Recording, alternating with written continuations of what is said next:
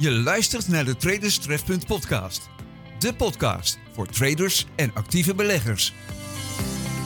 Hier is uw host Marcel van Vliet.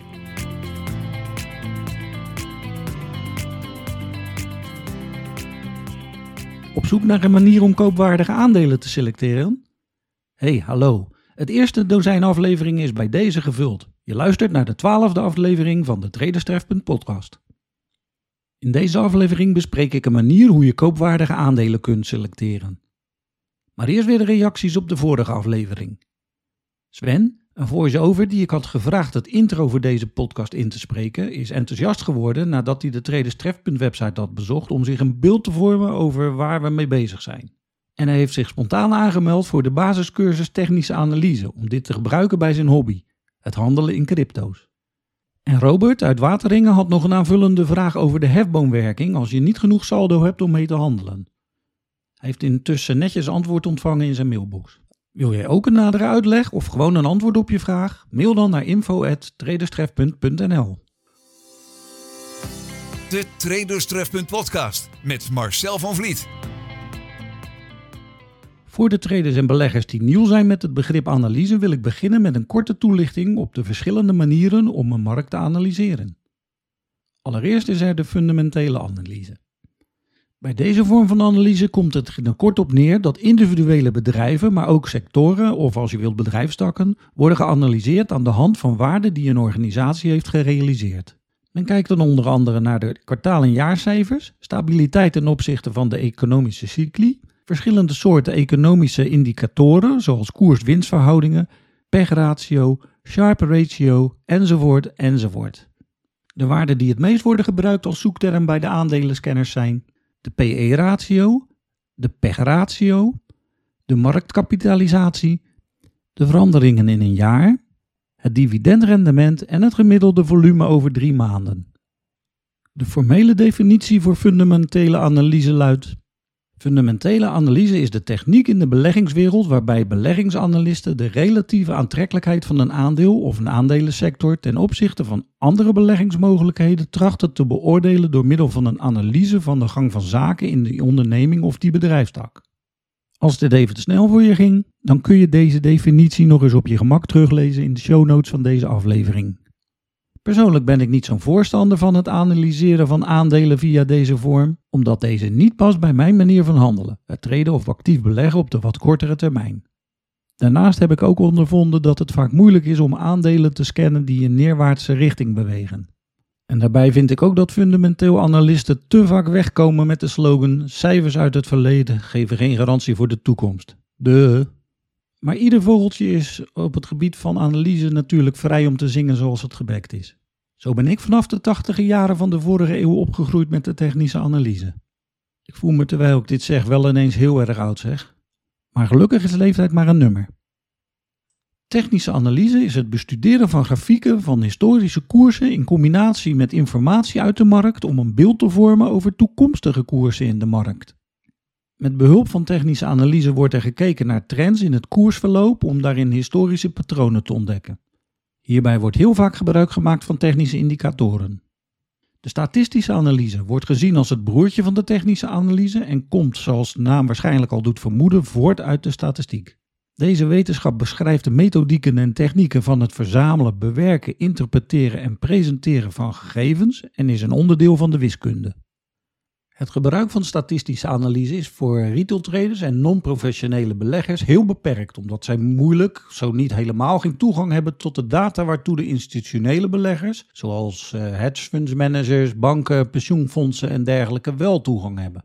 Maar door de eigen data bij te houden in een spreadsheet kan de statistische analyse toch een toevoeging zijn.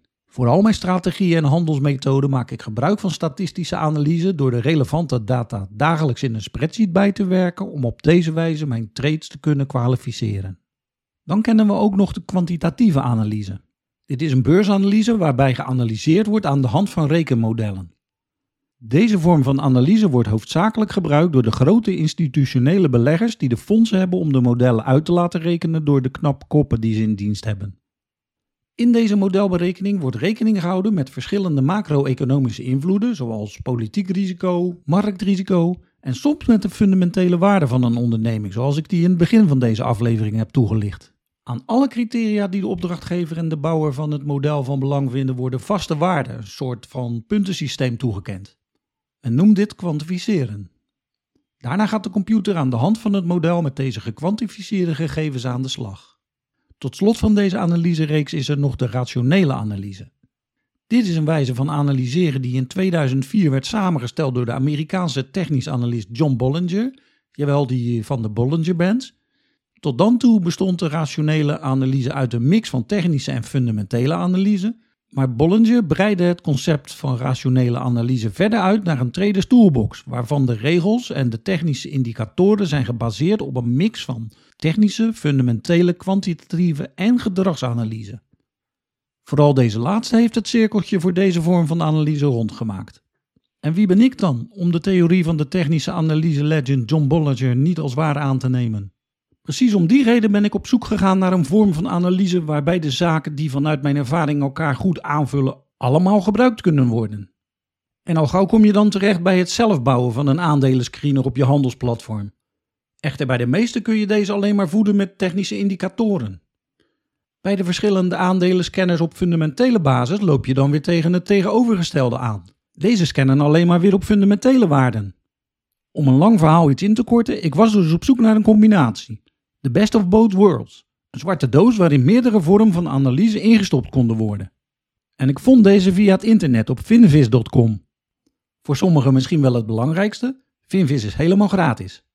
De website van Finvis heeft wel een elitevorm, maar deze is naar mijn mening voor retail traders en amateurbeleggers niet nodig. Omdat die gewoon heel duur is en er heel veel zaken in staan die je in het handelsplatform dat door je broker wordt aangeboden ook kunt vinden.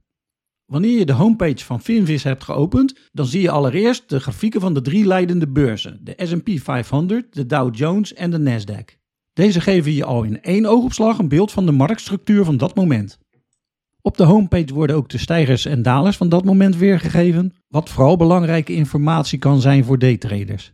Ook is er een zogenaamde heatmap per sector, zodat je ook weer in één oogopslag kan zien welke sector het goed doet of juist niet.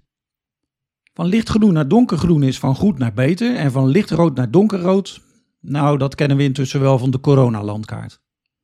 Degenen die Finvis voor het eerst bezoeken vinden onderaan de homepage in het midden een video met een zogenaamde guided tour. Ik zou het zeker aanraden om deze video van 3,5 minuut eens te bekijken. Dat scheelt u wellicht een hoop gepuzzel achteraf. Maar genoeg reclame voor Finvis. In deze aflevering gaat het natuurlijk over de screener. Naast de tabbladen Home en Nieuws vind je in het menu in de zwarte balk bovenaan de homepage de screener. Het mooie is dat je de screener met de criteria die voor jou werken als preset kunt opslaan. Zo hoef je niet iedere keer opnieuw het wiel uit te vinden. Het is een leuke bezigheid om eens op een regenachtige zondagmiddag de verschillende mogelijkheden uit te proberen en ze eigen te maken. Ook op het internet zijn veel video's over het gebruik van de aandelenscreener te vinden. Al zou ik het niet aanraden de criteria van de posters van de video's klakkeloos over te nemen.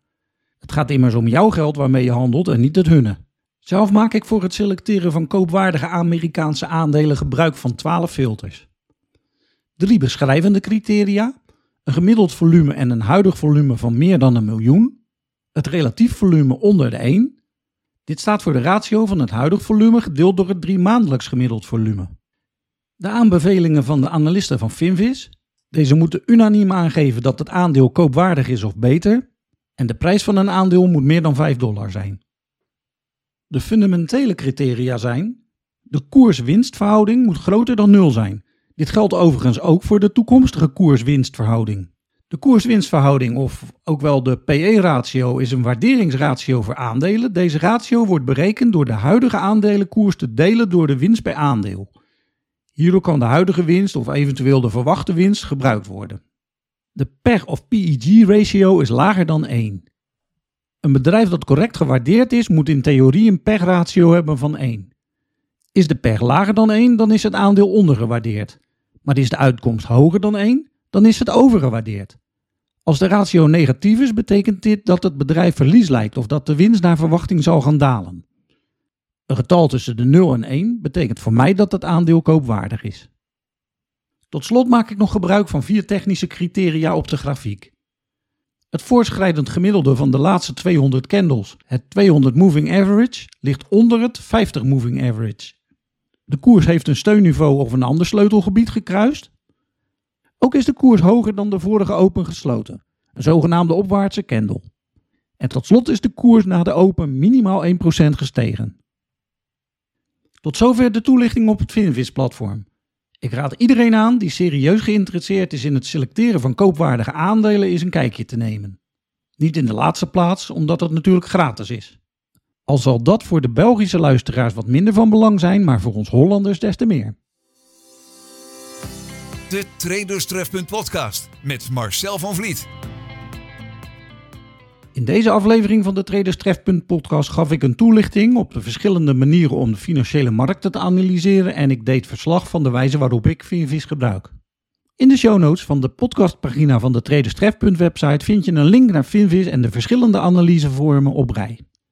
Vragen en opmerkingen over deze en natuurlijk de vorige afleveringen kun je weer kwijt op info@traderstrefpunt.nl. Kijk op de website van Traders Trefpunt voor meer informatie over de harde kern ook vind je daar meer informatie over het 1 op 1 coachingsprogramma en de cursussen. Vergeet niet de Traders Trefpunt podcast te liken of te volgen via je favoriete mediaspeler.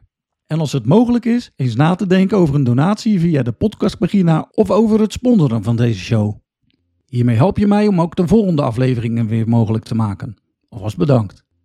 Dit was het weer voor deze keer. De hartelijke groeten uit een weinig zonnige Rio en tot de volgende aflevering.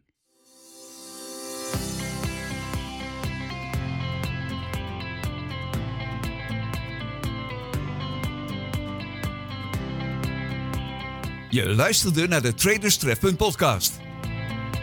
Kijk wat Traders Trefpunt voor jouw reis naar succes op de financiële markten kan betekenen op traderstrefpunt.nl.